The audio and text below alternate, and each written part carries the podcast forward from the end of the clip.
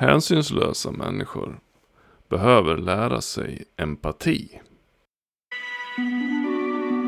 Du lyssnar på Dan Forslund. Podden för dig som söker metoder för att kunna leva ett mer produktivt och framgångsrikt liv med minskad stress, vantrivsel och pessimism. Jag är coach och författare inom produktivitet. Som sådan är jag rak, brutal och effektiv. Mina ideal är minimalistiska och stoiska. Låter det bra? Välkommen! Hej! Idag ska jag prata om ett ämne som är bland det allra viktigaste när det gäller ditt psykiska och fysiska välbefinnande. Nämligen att sätta gränser. Guldfiskminne som jag har så har jag faktiskt redan pratat om att sätta gränser. Det gjorde jag i avsnitt 20 i säsong 1, alltså förra året. Det har jag fullständigt glömt bort. Jag har inte lyssnat på avsnittet men jag tror att det var någon som tackade mig för det. Om jag inte minns fel. Det gör inte så mycket i alla fall.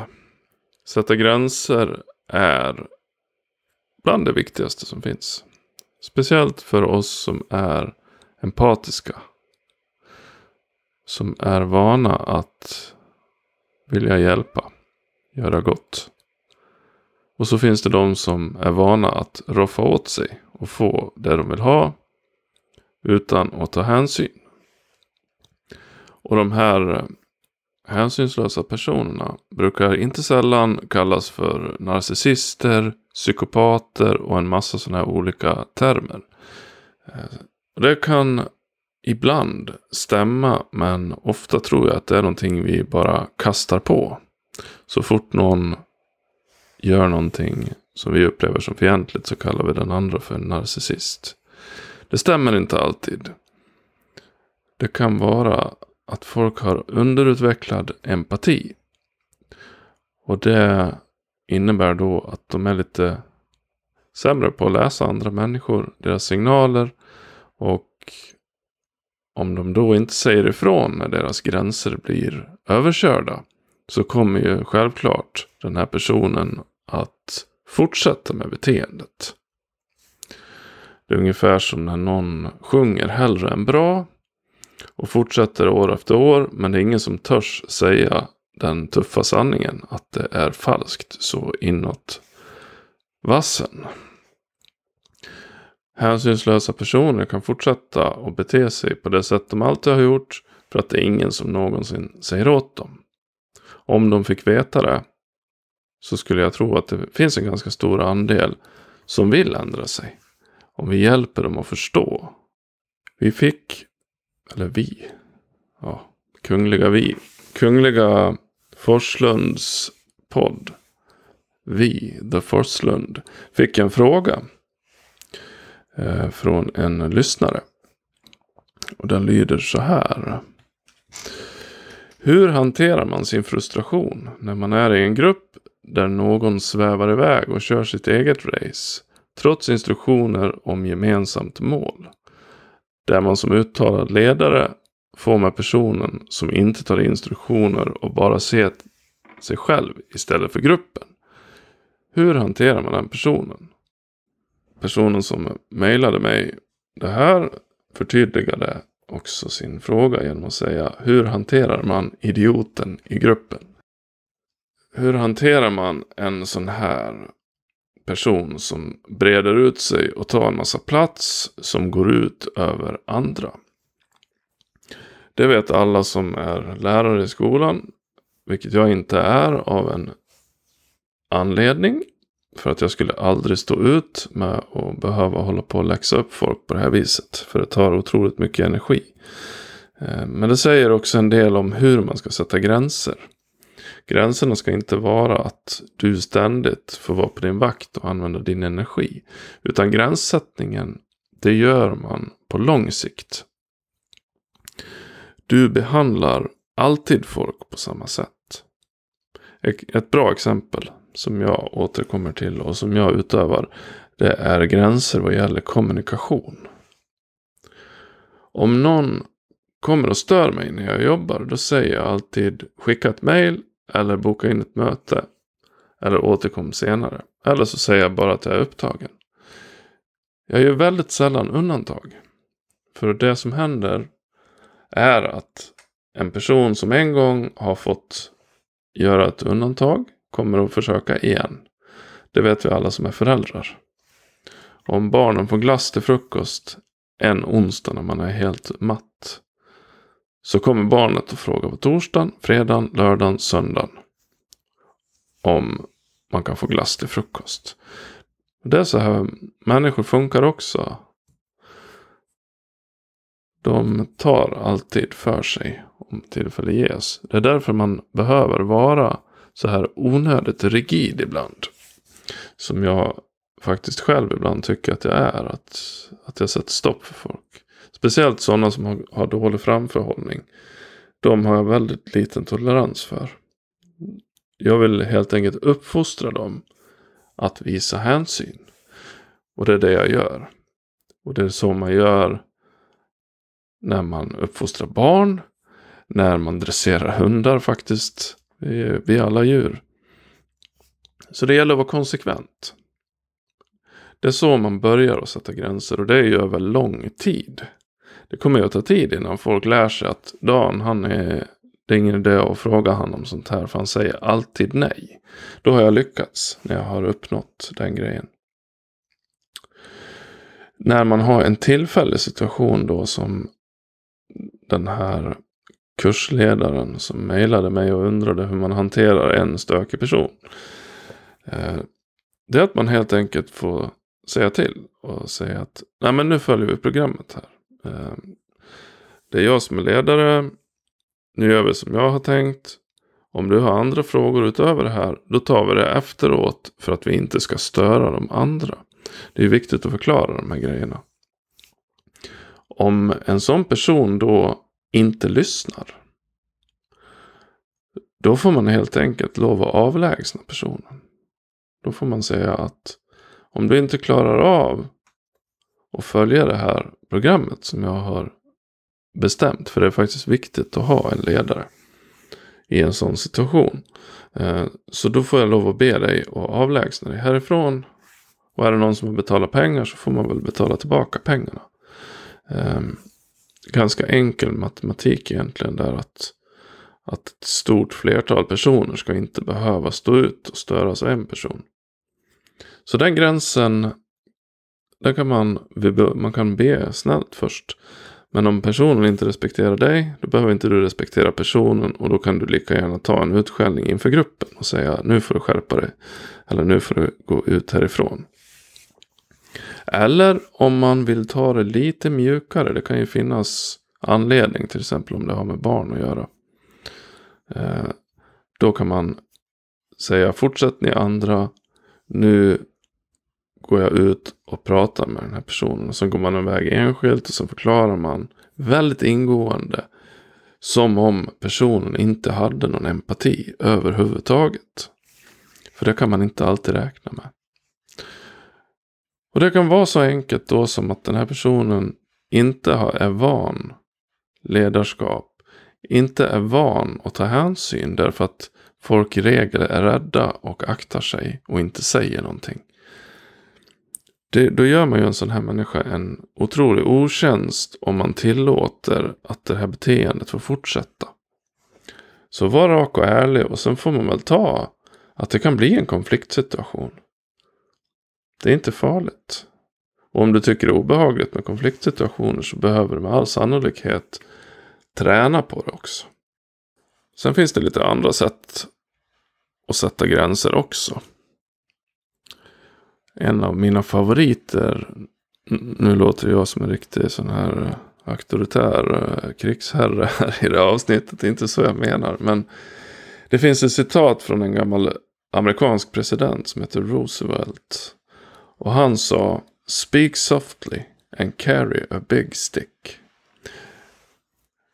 Men det betyder det helt enkelt att man ska kunna prata lugnt och snällt. Därför att folk ska veta att det finns en väldigt stor förlust i att förstöra och gå över dina gränser. Och det här har ju då använts, jag tror det heter Big Stick eh, Strategy eller något sånt där, som används i krig.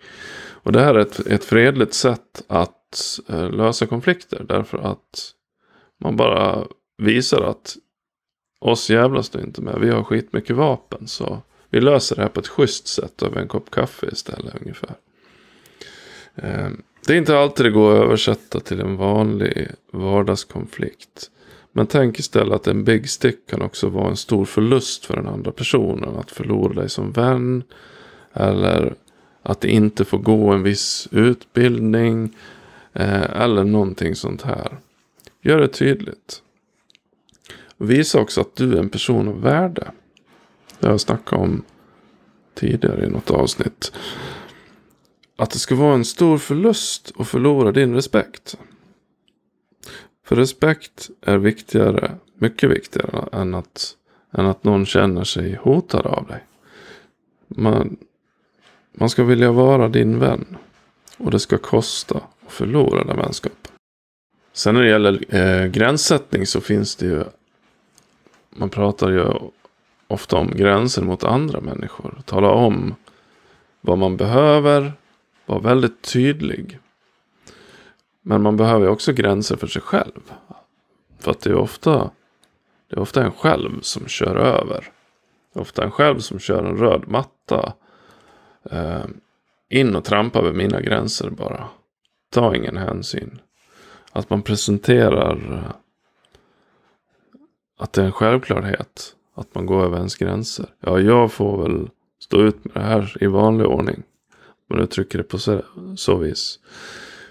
Du måste sätta gränser för dig själv så att du inte tackar ja till en massa saker som du egentligen inte vill göra. Därför att du är rädd för att inte bli omtyckt. Eller du är rädd för det ena eller det andra. Eh, sann vänskap kräver inte att du uppoffrar så här. Och du måste också vara tydlig med. Det kanske inte syns för andra. Hur, hur tufft du har det just då. Att, att eh, du behöver säga nej. Medan andra kanske inte skulle behöva det. Det är också jäkligt viktigt att alla är inte lika. Och det är okej. Okay. Du kanske inte klarar en viss situation och ta hand om 17 ungar samtidigt. Medan någon annan skulle klara det. För att du har varit utbränd eller du har sovit dåligt en period. Eller du har gått igenom en livskris. Det är helt okej okay att du inte orkar. Det måste du tänka på och du måste våga be om att slippa göra de här grejerna som bränner energin. För att om du inte säger ifrån då kommer inte folk att veta och de kommer att trampa rakt över dina gränser.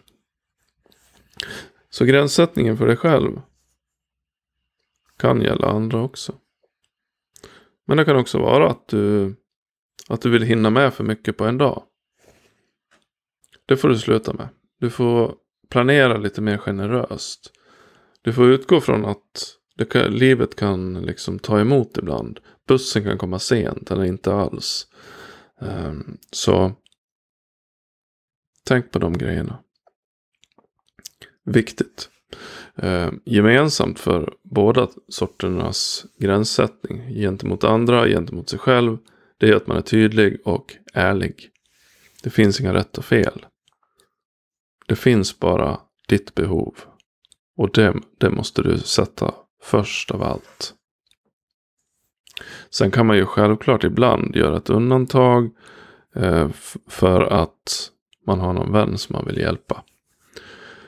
Men det är ganska bra då att du förklarar att idag gick jag över min gräns för att hjälpa dig. Bara så du vet. Kanske inte säga det just på det viset. Men det är bra att visa det för att förutom att man sätter en gräns och lär upp den andra personen, den andra parten. Så visar man också värdet. Att du faktiskt gjorde det trots att du inte orkade. Det är inte alltid man förstår det. Eftersom alla personer är olika, en del är inte lika bra på empati och därför så kommer de inte att förstå dig. Ett exempel på det är föräldrar och icke-föräldrar. Personer som inte har barn själv kan ha svårt att förstå hur personer med barn kan vara så upptagna jämt och, och inte vill vara med och hitta på saker. Men det är för att det är så svårt att leva sig in i hur det är att ha barn när man inte har haft det själv. Eh, jag har ju testat båda. Och jag tänkte sådär att, men hur svårt kan det vara med att ha barn? Det är väl bara att kasta åt dem en ostsmörgås och, och sen fortsätter man som vanligt liksom. Men det är ju inte riktigt så, utan eh, det är ett stort ansvar. Och eh, man förstår inte på vilket sätt det här ansvaret ter sig förrän man har egna barn. Och det är just det här att vi måste hjälpa andra att, att vara empatiska. Vi måste hjälpa dem att leva sig in i vår situation. Just nu så är en av de största lärdomarna är just det här att säg vad du tänker. Jag har varit med om det flera gånger nu att ja, jag fick bland annat höra att när jag var, när jag var barn så var jag svår att förstå. Jag sa ju inget eh, till omvärlden. Jag talade ju inte om vad jag hade i huvudet, vad jag ville, vad jag kände och så vidare. Det var ju svårt som barn att göra det naturligtvis. Och det var ju inget fel med det.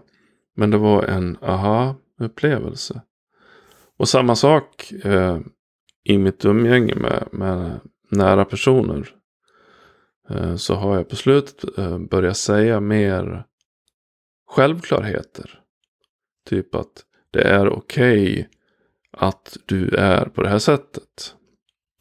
Ofta av den, ofta av den typen att eh, du, du får vara som, som du är. Liksom. Du, du behöver inte anstränga dig och försöka vara på något annat sätt än, än du, hur du egentligen är.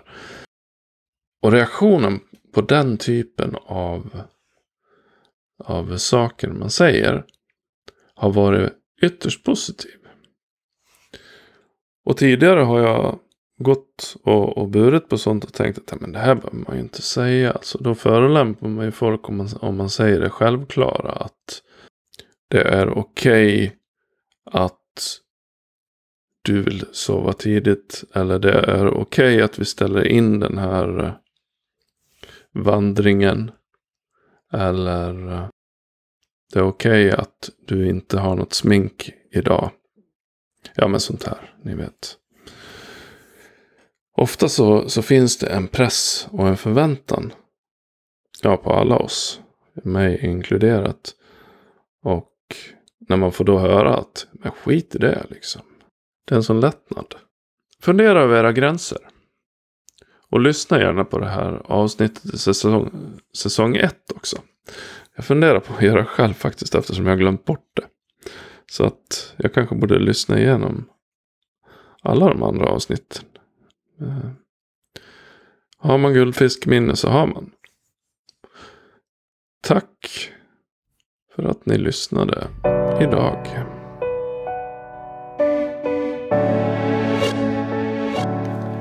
Tack för att du lyssnade på min podd. Har du frågor som du vill att jag tar upp i podden? Maila mig på kontakt danforslund.se eller skicka meddelande till Forslunds fantastiska värld på Facebook. Den har adressen facebook.com forsfant. Vi hörs!